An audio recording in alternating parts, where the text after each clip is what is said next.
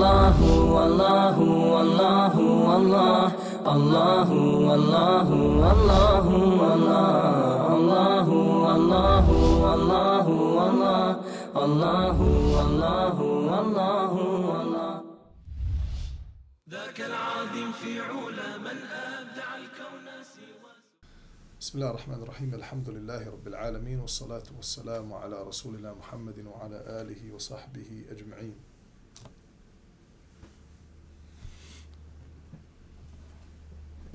samo noge molite skupe.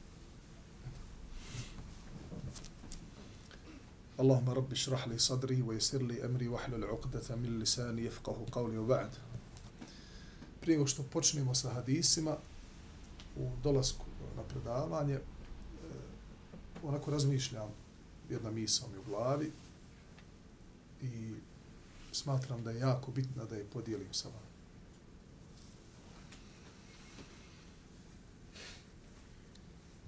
Sa dva aspekta. Prvi aspekt je da je Allah poslanik alaih salatu wasalam nagovijestio vrijeme koje u kojem se nalazi. A to je vrijeme u kojem će biti puno govornika.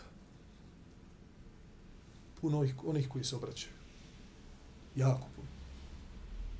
I danas javnu platformu za neko javno obraćanje gdje mogu ljudi, milion ljudi da pregledaju, može bilo ko da se obrati. Znači ne moraš biti nikakav ni autoritet, ni na glasu, ni da imaš neku tezkiju, da ti je neko dao, da kažem da imaš neku diplomu, da bi se obraćao širi masa. Jednostavno možeš samo pojaviti na te društvene mreže, na tu platformu i da pričaš zanimljiv govor i da te ljudi krenu pratiti, ti postaneš govornik i tvoje se sluša. I ovo je normalno, znači, prvi put u modernoj istoriji, a i onoj koja je prije, da je toliko moguće, znači da je, nikad nije bilo lakše da se neko, hajde da kažemo, onaj, da neko dođe na tu poziciju govornika kao što je to danas.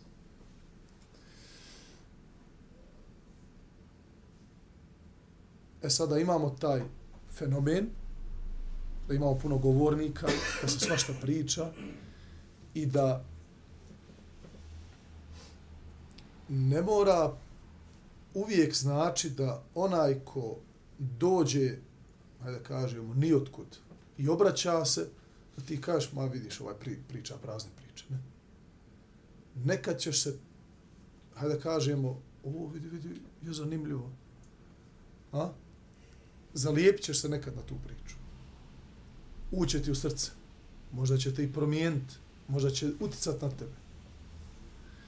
E sad, kako se postaviti na osnovu toga što imamo danas? Nešto što se dešava iz dana u dan. Čak i evo isključi iz društvenih mreža. Odlučio si. Neko skrinuje i pošalje ti poruku. Vidi, brate, što neka šega nešto. Pa to je obraćanje. Obraćanje sistematizacija postoji. Znači imaju čak i šale danas imaju svoje jake poruke. I ti šala po šala, poruka po poruka, screen po screen, formirate u tom nekakvom, jer ljudi su danas sve manje vezani za knjigu. Ova knjiga je kroz milione lju, ruku prošla i milione pečata dobila da je to knjiga provjerena kroz koju čovjek može da se odgoji, da, da promijeni svoj život na bolje, da se podsjeti, da ispravi svoj put. Međutim, da li ljudi imaju dovoljno danas vremena da čitaju u knjigu? Nemaju. Imaju li dovoljno vremena da budu sa svojim telefonom i da čitaju sve ono na vrijeme u toku dana te skrinove? Imaju. Čovjek se formira na osnovu onoga što svakodnevno sluša i čita. Znači, mi svoju ličnost formir, ne formiramo mi svoju ličnost uh, na osnovu, ne znam, ja, čekanja, da odrastemo. Ne. Znači, evo, ova djeca se danas formiraju. On današnji dan, kako ga je proveo, na takav način se u mikro nekim onaj, procesima formira. Nekomu se nasmio, nekoga rasplako, nekoga rastužio, nekomu učinio nepravdu, nekoga pomilovo, nekomu nešto poklonio i on se formira. I tako iz dana u dan, iz godine u godinu. I on kad naraste, on je onakva ličnost kako se formirao od rane mladosti dok naraste. I opet kad naraste, može da se nastavi formirat, da ide u bolje ili u gore.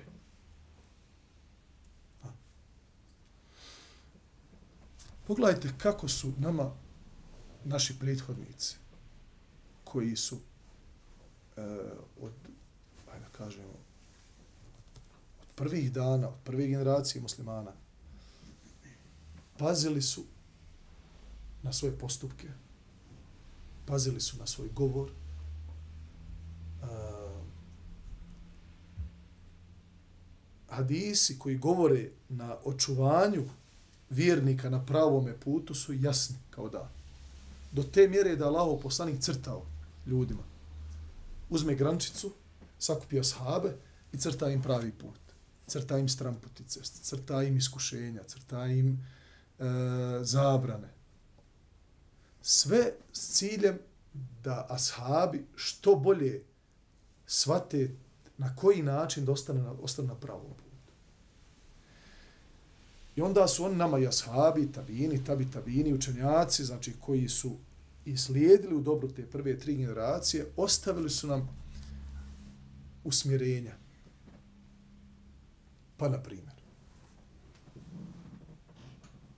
ostavili su nam nešto što se zove, na primjer, Imam Malik, kaže, nije počeo da govori javno ljudima i da se obraća i da im daje odgovore na njihove, na njihova pita, na njihove životne probleme, na ono što se oni sa čim se susreću svakodnevno, dok mu 70 učenjaka Medine nije usmeno potvrdilo da je on spreman za to.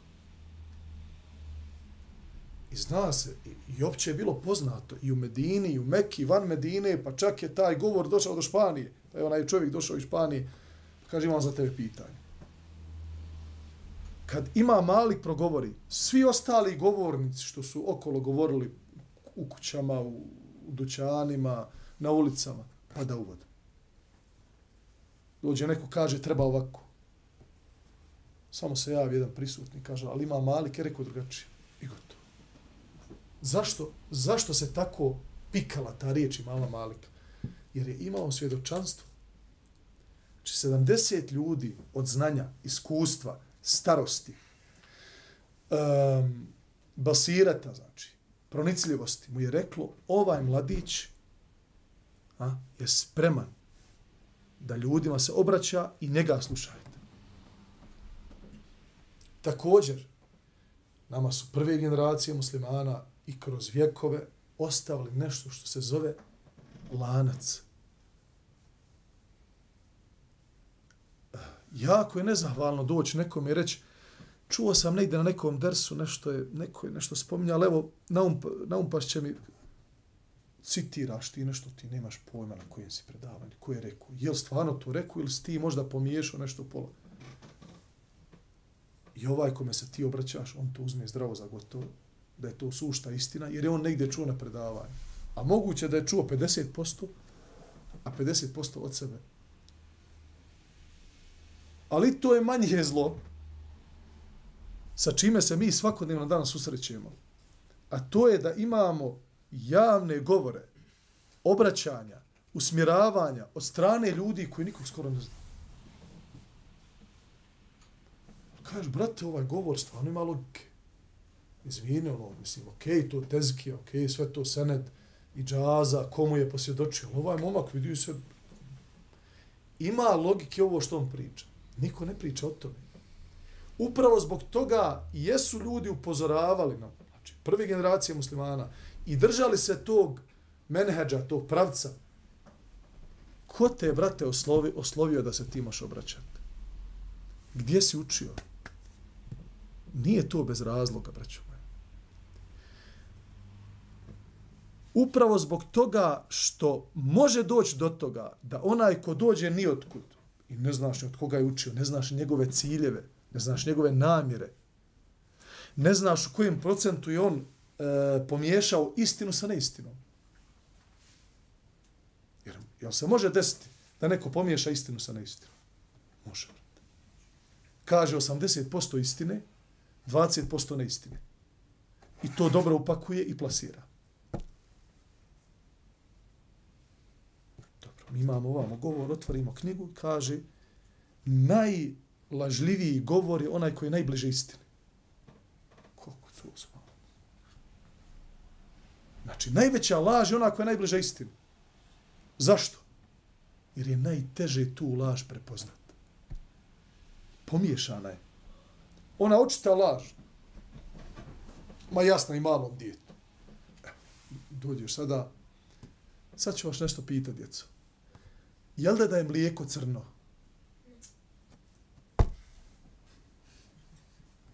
Znači, djeca mala znaju da, da je mlijeko bijelo. I ti tu laž prosipat sada po internetu. E, crno je mlijeko, ali vi to ne vidite, dobro, vi ste deltonisti, ovo ono, ali ipak kad ti uđeš u suštinu, tu gledaju u tebe, da. Ohladi malo.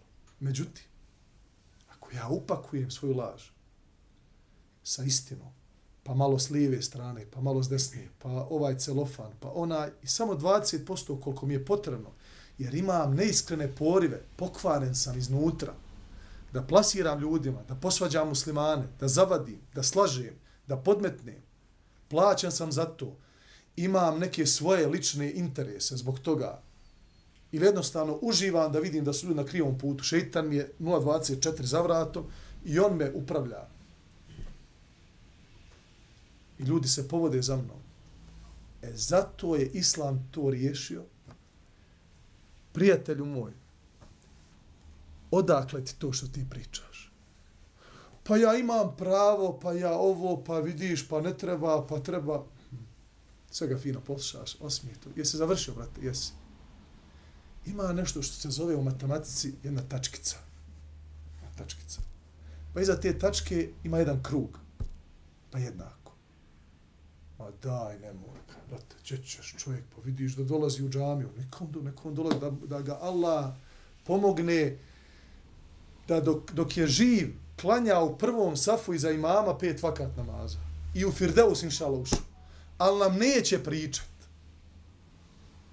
i usmjeravat i vazit sve dok ne budemo znali odakle mu to. Jer tako su radili muslimani prije nas, ta prva generacija muslimana, ta druga. Zašto?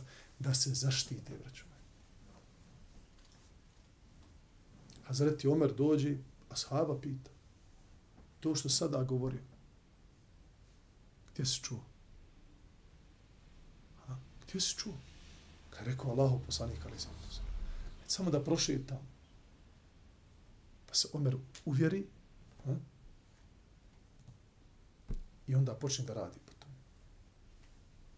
Evo, ne moramo mi do te mjere ići. Ali nije bez razloga ostalo senet. Imam Buharija se muči toliko. Imam Muslim se muči toliko. Muhaddis da bi jedan hadis, kaže, znao bi iz Bagdada otići u Egipat radi jednog hadisa. I sve u redu. Znači, čovjek jedan kroz jedan. Znači, mumin, ha? Samo zavabio devu. Ovako došao onom haljnom. Deva došlo. Jer inače bi u tu haljinu stavljao hrane. Mrskom, bilo na desetak, 15 metara od njega, sada ko ode do nje, do, što fali, ona će njemu doći, hajvan, da je navabi, da sjede na nju i da ide. Šta se to kao radio? Kao ovako mi, kad imamo običaj, kad hoćemo da nam deve dođu, malo je zeznemo. Zavabimo je danas konta da ima hrane, nema hrane, mi je zgrabimo i hajde, hajvan, hajde. Hvala ti, kaže, ajde dalje. Šta je? Ništa od tvoj hadisa. Neću uzeti od tebe hadis. Prevario si hajvana. Danas ljudi izvaraju državu. Izvaraju. Izvara i, i noć i dan. I mi. Poštovani. Kakav poštovani, vrat? Ne možeš od njega uzeti. Znači, ja opet ponavljam, jako je teško danas reducirat ono što dolazi od tebe, od, od habera, od, od rečenica, od izjava, od, od e, događaja. Ali hajmo se potruditi, makar da sistematski ne slušamo nekoga ko nam nijotkud dođe i nešto nam priča. Znači, da makar ne sjedimo na koljena pred njim, a vidi, stvarno ova ima logike. Pa ima logike. Moja tezeli kad su došli. Sekta, kaidska sekta koja je onaj, među prvim sektama u islamu, znači koji su počeli, oni su koristili logiku. Nisu oni e, pali s neba pa nešto tamo otvorili neki mushaf drugi. Ne, ne, otvore mushaf. Vidiš da ima logike, evo vidiš ovako, onako. I onda oni koji su ih slušali, aha, pa stvarno ovo ima logike.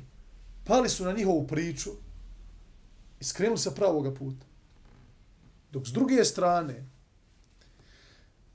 tabinom se pojavili u doba tabina, koji su htjeli da očuvaju svoj, svoju vjeru, svoj pravi put. Znači, kaže, dođemo na tezil, sjede skupina tabina u džami, dođe ovaj kaže, eto, ja bi se s vama da raspravljam, ali neću vam spominjati ništa drugo osim ajeta. Znači, u našoj raspravi, ja želim s vama da se raspravljam samo kuranskim ajetima. Kada dođe tabini, tabini kaže, od tebe ne želim da čujem ni pola ajeta. Baj, subhanallah. Ti je subhanallah, jes tako.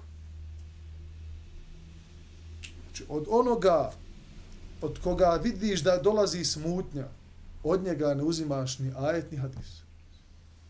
Nema. Znači, za onoga koji već, znači, može se za njega reći da sije smutnju među muslimane, od njega se ništa ne uzima.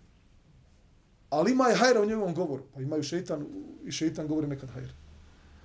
Zar nije došao Ebu Horeiri i da bi ga Ebu Horeire pustio, rekao mu sušt, sušt, suštinsku istinu koja se veže, koja će se vezati za Iblisa i potomke Adama do sudnjega dana. Znači, Haman nam je dao ključeve spasa. Jer kad ga Ebu Horere treći put uhvatio da krade, e, kaže, nema da, neću te pusti dok, ne, dok ne odvedem kod Allahu poslanika. A Iblis zna ako bude odveden kod Allahu poslanika, tu mu onda nema više izlaza. Pusti me, reću ti nešto što, daj mi to znanje, da vidim šta je. E onda provjera kod Allahu poslanika, je li istina? Kaže, rekao je istinu, iako je veliki lažac.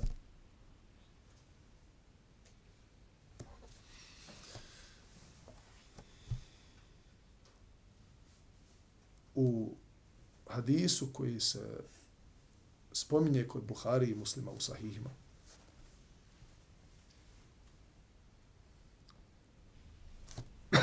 Od Ebu Hurera radijallahu anhu se prenosi da je sallallahu alaihi wa sallam rekao kogod bude otišao u džamiju ili se vratio iz nje Allah mu za svaki odlazak i dolazak pripremi doček u džennet.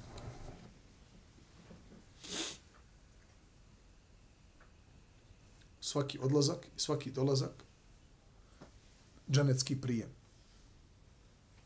Kad dođe delegacija, dođe u neku rezidenciju, pa ga prvo prijem ima na samom slijeta, tako, izlazi iz aviona, dole crveni tepi, pa ga, e, pa onda ima drugi prijem u hotelu, što dođe u hotel, evo, izvolite, odmah kartica, ne morate vi tamo se peglate, recepciji, olakšali smo, izvolite, možete svoju sobu da se odmori. Pa onda prijem u rezidenciju, pa u samoj rezidenciji opet prijem, pa tamo prijem, pa sve fino, pa sve lagodno, pa sve s osmihom. Za svaki odlazak i dolazak iz džamije, Allah subhanahu wa ta'ala, toj osobi koja će ući, inša Allah ta'ala, u džennet, sprema poseban prijem za svaki dolazak. Čiji način i kako će to biti i ko će to usluživati i ko će ga dočekati i na koji način zna samo uzvišeni subhanahu wa ta'ala. Od Ebu Horeire također se prenosi da je Allahu poslanik sallallahu alaihi wa sallam rekao O žene muslimanke, neka nijedna od vas ne pocijenjuje poklon koji joj donese njena komšinica. Pa makar se radilo o ovčijem papku. Znači, ima ništa. Nije.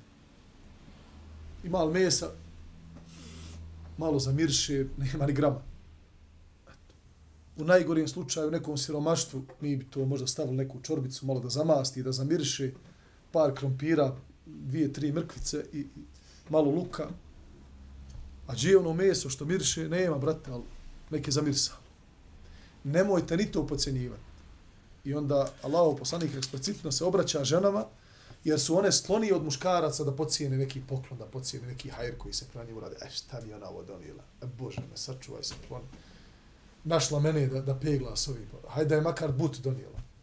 Ni to nemojte pocijenivati, jer ne znaš ko, ko je, koliko on... E, znači, po ovom hadisu se gleda suštinski ha, namjera i nečija empatija da te se sjetio da ti nešto donese. Znaš, mi smo malo sada, ajde da kaže, manje više ono ko u nekom prestižu. Znaš. E, brate, halali, gdje si na podne danas, imam nešto za tebe. Ti odmah u glavi računaš, znaš, šta li ima, ono, tebi možda donese, ne znam, ja, došao sumre bjelicu i neki mali miris, oni par maraka. I poklonite. Ajo.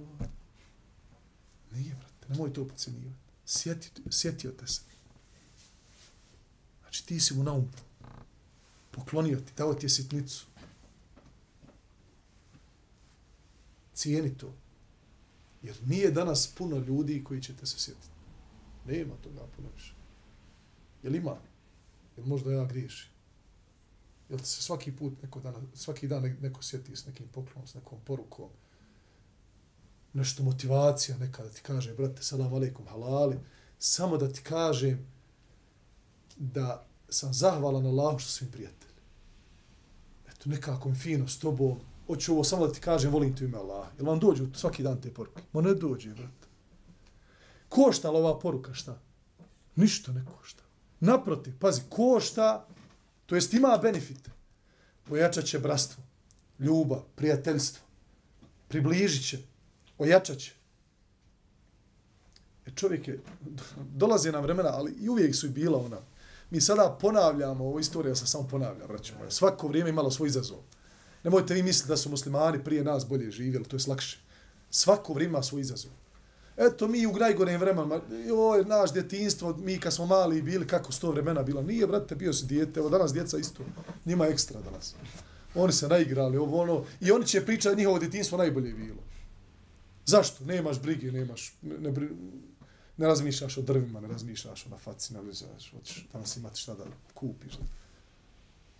Prst uho, lijepo poigraš sa lopta, ovo ono još, babo kad kupi košarkašku loptu, futbalsku, jo, Bajram, ma Bajram, i to onaj hađski, hađijski Bajram. Šta će, ja se sjećam prve lopte, 500, ona titoka, ona Nije malo para bila. Ali eto, naš, moji onaj, nakalni se da hoće da mi kupe loptu, ja otišao do, do gumena lopta, poderala se nakon tri dana, mi na asfaltu igrali, ja sam haustarče. Ubijali onaj, onaj, u haustoru bilo, bio neki zid, mi smo šutali, jake noge imali, zdrava djeca, popa, popa, nakon tri dana, onaj palmenta, tri dana je bilo, ja sam. Glavni džaj, onaj baja. Naher.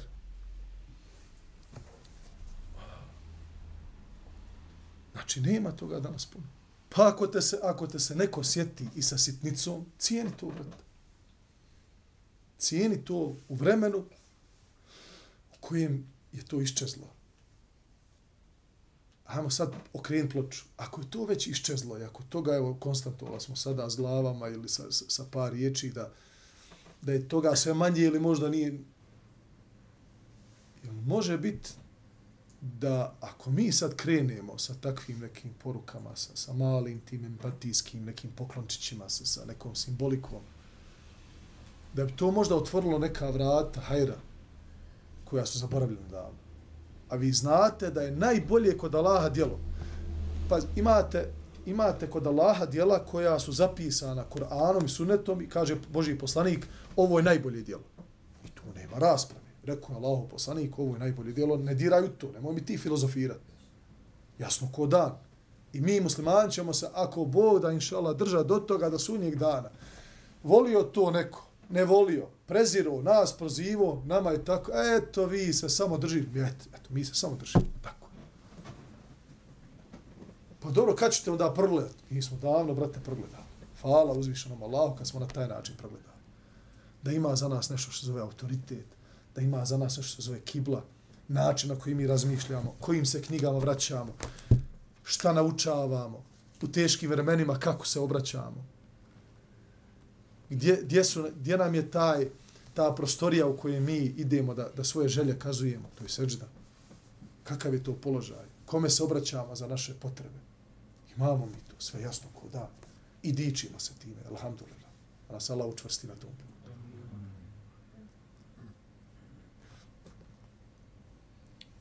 Ali u isto vrijeme, najbolje kod Allaha djelo je ono koje se izgubilo među, među muslimanima. Zašto je najbolje? Jer kad ti počneš to djelo zaboravljeno da radiš i oživiš ga a, u svom društvu, nemaš samo nagradu za, za, za ono što stigo onaj e, radio, nego imaš nagradu za svakog onoga koji to isto djelo učini. Ako to djelo ostane u tom narodu koji si ti proširio, inicirao, do sudnjeg dana, do sudnjeg dana će tebi kapat sa Pa, na primjer, onaj ko je ovdje na našim prostorima inicirao zasebne škole Kur'ana, za mladiće, za djevojke, za žene, za... Možda je to je bila neka ideja koja je jako bila minijaturna. Hamo, hamo jednu prostoriju ovako, škola Kur'ana, ima nešto zove škola Kur'ana, eto mi bi naučavali, imaju neki uče da postanu hafizi, pa to je nekada braćo iz rata, onaj, jako minijaturno bilo. Jedna od prvih zasebnih halki, nešto se zove škola Kur'ana, nešto što se zove e, boravak i odvajanje vremena samo za Kur'an. Nije u Kur'an bio usputan, znaš. Evo ima neko predavanje, neko sjelo, pa ćemo usput mi malo sufaru, malo teđvid, ne je bilo ko šeha Ebu Humejda. 2000.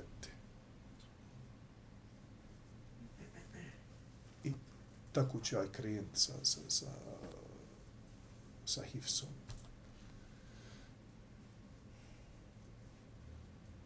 Do mene došla usmena reklama. šejh Ebu Humejd pravi hauku za buduće hafize. Konta, rekao, kakvi su tu ashabi, subhanallah šta, šta, šta, to sigurno to su neki ljudi, ono, znaš, ne znam, ne, ja sam tako predstavim. Mladić, mladi, ono, tek, tek završio vojsku ovdje, onaj, u Sarajevu. Kaže meni jedan, pa što ti ne bi upisao? Gdje ću ja, rekao, nije ovo za mene, ja sam obični smrtnik, znaš to? Nije, kaže, brate, tu će doći ljudi koji zna pola džuza, džuza me. Bitno je samo, znaš učit Kur'an? Ako znam učit Kur'an, hvala Allah.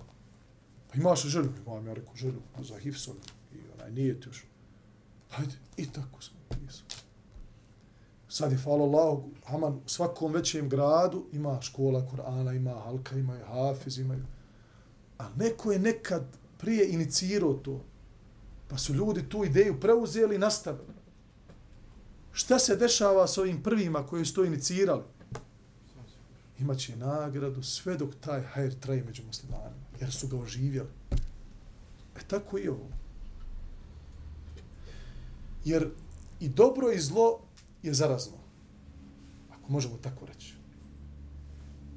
Ako ja tebe danas, brate, zagrlim, ako se nasmijem, ako ti fino progovorim, ako ti pošalim poruku koja je motivirajuća, koja je onako puna ljubavi, koja je, postoji velika mogućnost da i ti to nekome pošalješ. saobraćaj. Pratite tu saobraćaj. Nema ovaj što dolazi, nema prvenstvo prolaza. Ili kolona je, svaki, svaki dan je kolona. I ovaj hoće da se ubaci sa strane. Ti ga pustiš i posmatraj ga. Dolazi njemu, treba da se neko ubaci.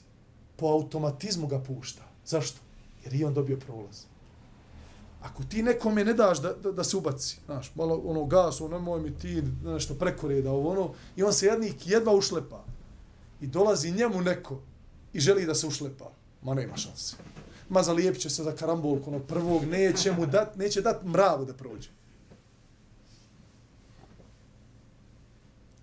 Zar to nije dovoljan inicijator da ima prostora kod svakog čovjeka, koliko god on bio dobar ili loš, da ima prostora kod svakoga da radimo na njegovom srcu? Ima. Ima prostora.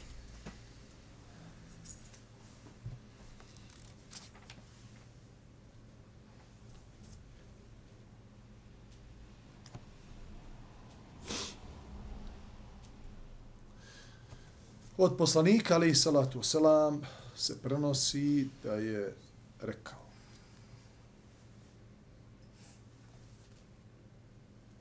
Iman se sastoji od 70 i nekoliko ili 60 i nekoliko ogranaka. Njegov najvredniji dio jesu riječi la ilaha illa Allah. Njegov najniži, najniži dio jeste njegov naj, najniži dio jeste s puta ukloniti. Ok.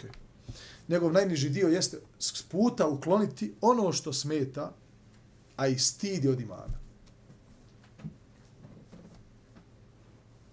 Ovdje se da zaključiti, bez imalo dvojbe, da je iman i riječ i djelo. Poput uh, ono što je najvažnije kod imana je i etikad, to je vjerovanje, srce. To je iman treba da se ulije, da se ustanovi, da se, da, da se, da se smjesti, da, da, da postane stanovnik našeg srca. I to je prvo. Ali u ovom hadisu, Allahu poslanik, alaih salatu wasalam, nam govori da je također iman riječ i djelo. Evo ga. La ilaha illallah je najveći stupanj imana. A najniži je da skloniš nešto što smeta muslimanima s puta, a i stid je, znači i ponašanje, i ahlak, i tvoje postupanje je dio imana. Žališ se na nizak iman. Žališ se da, da ti nije iman kao što je. Brate, popravi svoje djela. Uljepšaj svoj govor. Okreni strancu. Uh, pa nije lako. Zašto nije lako? Pa eto, malo sam zabrljio ono brate, okej, okay, nije lako. Ali potrudi se. Jer vrijedi da se potrudiš oko imana. To nije bezazena stvar. Jer je ima nešto najskuplje u tvom životu.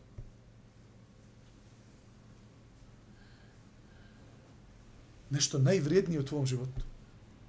I isplati se oko toga čovjek da se i potrudi i da se umori i da dobro urani i da dobro omrkne. Jer je to iman. Znači to ne, kada, kada islamski učenjaci govore od, od pet od pet stvari na osnovu koje su zbog, zbog koje Allah Đelešanu spustio vjeru, spustio znanje, spustio Kur'an, sunnet. Znači, Islam je došao da sačuva pet stvari kod ljudi. Prvo je došao prvenstveno da sačuva ljudska srca, iman. Znači, svi ajeti, svi hadisi, svo znanje, objave, aludira na to da očuva kod ljudi njihovo vjerovanje u, u Allaha jednoga jedinog. Drugo, Islam je došao da sačuva ljudske živote. S tim da je vjera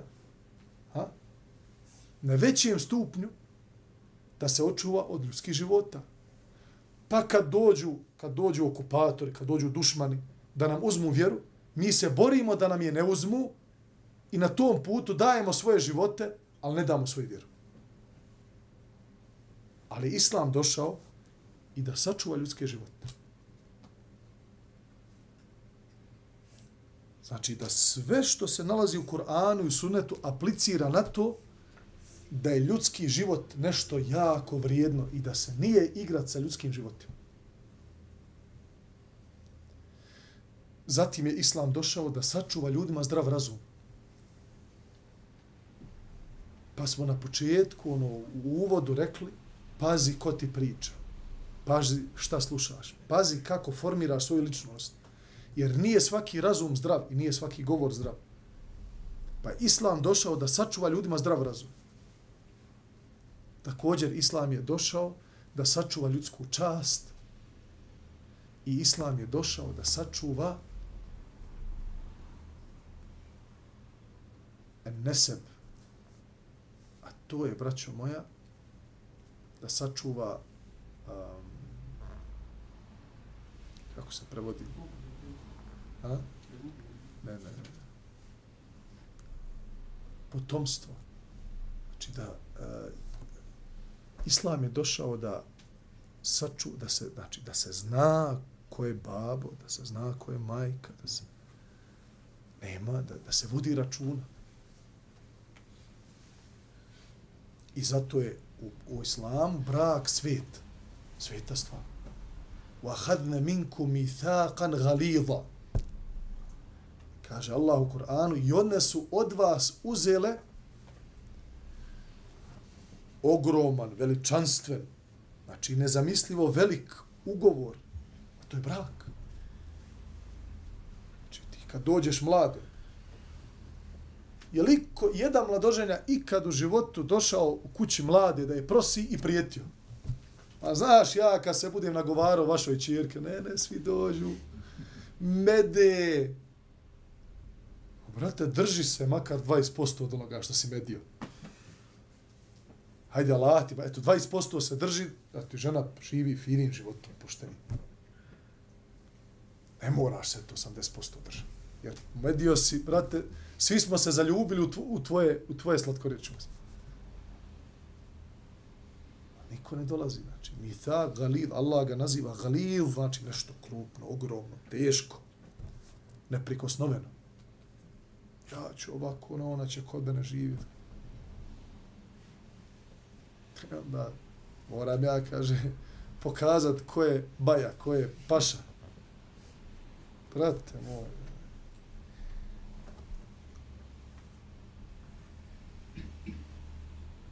Ruđulet. Znači, tvoja muškost, tvoja gordost kao muškarca, tvoj gard, ne može biti u kući. A ne može se održati treba da se održi vani. S tim da uvijek gledaj kako se nosiš. Možeš u pidžami doći u džami. Ja sam se snebijesio jednog, kad sam vidio jednog sana, ne mogu da vjerujem, ali zato kako on pidžama, zna se šta je pidžama. Karirano, zna nešto bude. Ja gledam, ide na jaciju insan, Onako opuštena varijanta, valjda je blizu džamije živi. On je samo izletio. roto, ne možeš u pidžami, u džami ući. Pa kaže, ja sam pokrio avret. Pidžama ko pidžama koji pantova. Jest. A nije. Jest, a nije. Gdje možeš u pidžami, brate? To je kućna varijanta. Zna se šta je pidžama. Zato ima jedna vrsta galabije u Jordanu. Kratke rukava i na ve ovde. To je jordanska pidžama. I ti odeš u džamiju, to, to je fakat je galabija. Ono, ne, nemaš. Brate, kad te Jordanac pogleda, Znaš, to je za njih kućna varijanta, isto za nas pijama. Kad te vidi ono u džami, kaže, šta, kaj brate, kaj, šta si ti to došao? Kaj u galabi? Kako kaj galabija, to je pijama, kaj rad. Znaš šta je galabija, dugi ruka, fino, malo kragna, ovdje bude zakopčana. Držiš do svog dostojanstva van kući. A nemaš, kako ćeš držati u kući?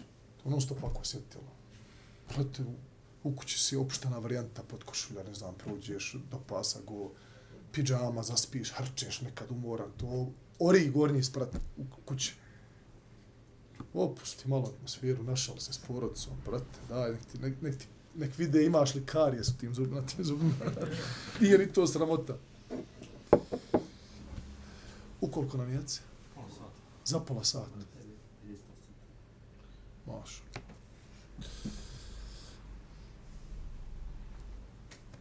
Dobro, završit ćemo ako voda sa narednim hadisom.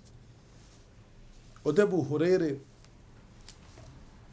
također se prenosi da Allah poslanik sallallahu alaihi wasallam rekao, dok je neki čovjek putovao, jako je odžed, ožednio.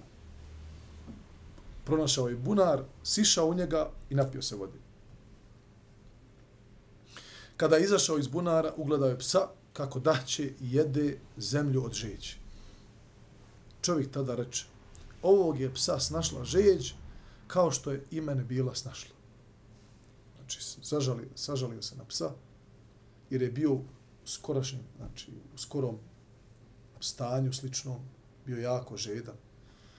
Tako da je jedno, kada ono se govori o Ramazanu, jedno od, kaže, benefita Ramazana ili poruka Ramazana, indirektnih, pored sticanja bogobojaznosti i, i povrgavanja svoje vlastite volje da jedeš, da piješ Allahu Đalešanuhu, da se njemu potpunosti pokoriš, da ne jedeš, da ne piješ, da ne upražnjavaš svoje strasti, čuvaš se ružnog govora tokom tokom posta Ramazana, kaže jedno od, od također poruka indirektnih Ramazana je da se suosjećaš s onim koji nemaju, da postaneš blaži, da, da, da se razvije kod tebe empatija prema siromasima, prema onima koji su gladni, željni, tako dalje.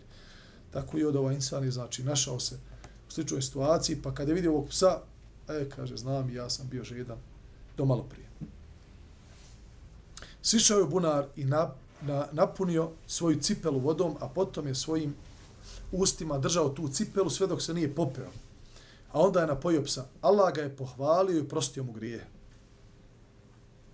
Ashabi tada upitaše, Allaho poslaniče, zar mi i za životinje imamo nagradu? Allaho poslanik reče, za svako dobročinstvo prema bilo kojem živom biću dobit ćete nagradu. Ovaj hadis je kod Buhari i kod muslima. Znači čovjek zasadiš okalemiš drvo, zasadiš drvo. I to drvo naraste i ti zaboraviš na tu trešnju. I nakon što naraste i, i dadne svoj plod i dođu ptice i krenu jesti plodove, ti ne znaš. Sve dok bilo koje je stvorenje, da li čovjek, da li životinja, hrani se od toga, ti imaš nagradu. Ti imaš nagradu. isplati se biti dobar. Uvijek se isplati. Radi sebe. Ne radi drugi. Nemojte biti dobri na drugih ljudi. Ne treba vam to. Zašto? Jer ćete se namučiti onda u životu. Zašto? Prvo, tražite feedback. Ako sam ja dobar prema vama, a, radi vas, ja ću očekivati feedback očekivat ću da me pohvalite, da mi se zahvalite, da mi uzvratite na dobročinstvo. Jer to radim. A? Međutim, ako sam ja dobar prema vama radi mene, ja ne očekujem ništa. Jer ja na kraju želim nagradu od onoga kome se ja vraćam. To je kuranski princip. Allah Đalešanohu taj princip spominje, on je Znači, ako je Allah poslanik dobio objavu prije 15 vijekova, prije 1000 i pol godina, Allah Đelešanuhu mu spominje u Kur'anu, objavljuje šta su izjavili prijašnji narod. Znači, te su izjave stare 2000, 3000 godina, 4000 godina i više. Mu'mini prije 2 3000 godina su govorili La nuridu minkum jazaan wala shukura. Ne želimo od vas nit kakvu nagradu, zato što smo dobri prema vama, niti da nam se zahvalite. Ma ne treba mi to. Ma ja sam dobro radi sebe.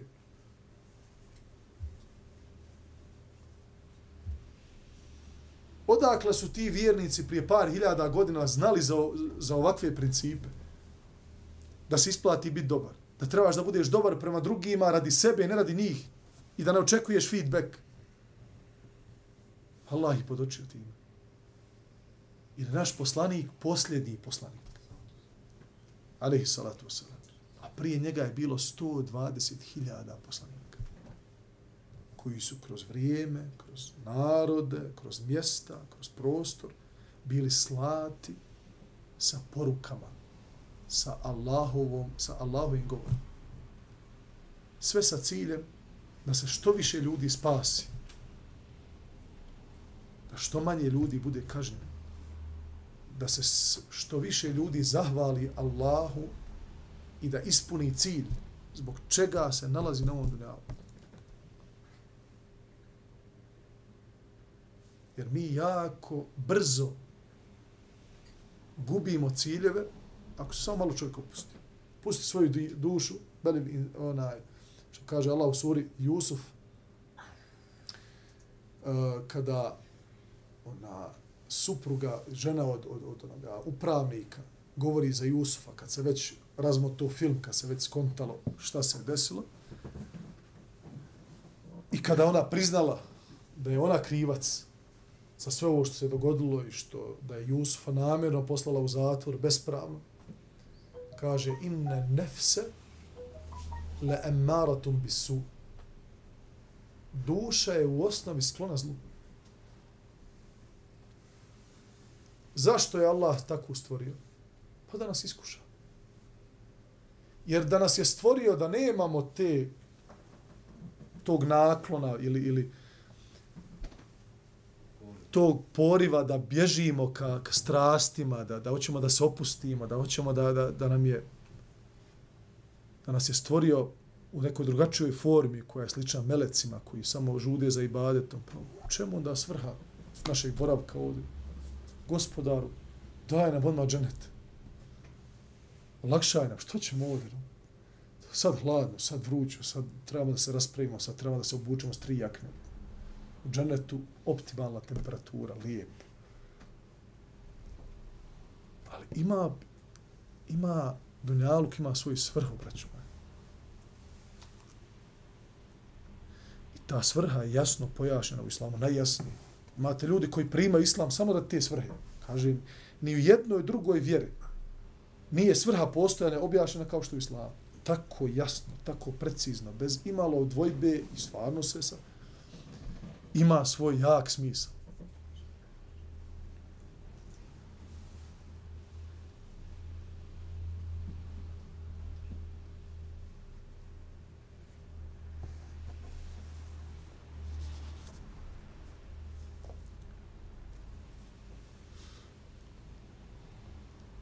Pogledajte ako je ovaj hadis direktno, braćo moja, upućuje na vrijednost i značaj humanitarnog sektora. Ovaj čovjek je humanitarno. Šta, šta znači humanitarno? Humano. Sa ljubavlju. Pomogao. Allaho stvorenje. Psa.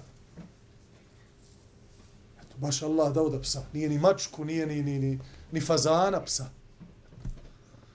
Pomogao psa da, da, da ne crkne upusti. Evo ti živi. Pa dobro, pas će onako umrijeći, ta životina. Nije, brate. Nije tako. Ono dijete koje u ranoj mladosti, dok odrasta, a,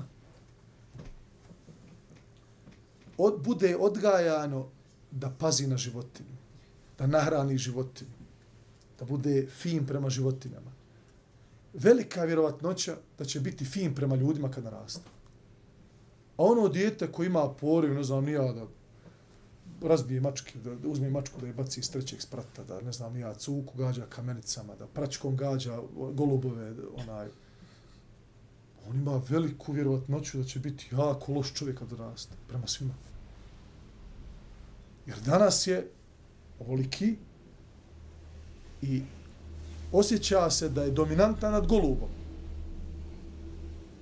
Kad bude dva metra, kad bude imao 120 kila mišića, još ako bude naučio neki sport i opaše se nekim naoružanjem, on će se osjećati onda dominantan nad nama svima.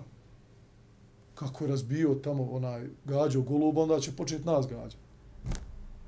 Tako da i dobro i zlo se uči od malih nogu. قولوا قولي هذا واستغفر الله لي ولكم Subhanak Allahum i hamdike, šedu an la ilaha illa anta astaghfiruka wa etubu lek. Allah dao svako dobro. Inša Allah, ta'ala, nastavljamo predavanje naredne subote. Da najavim da, da će biti naredne subote predavanje.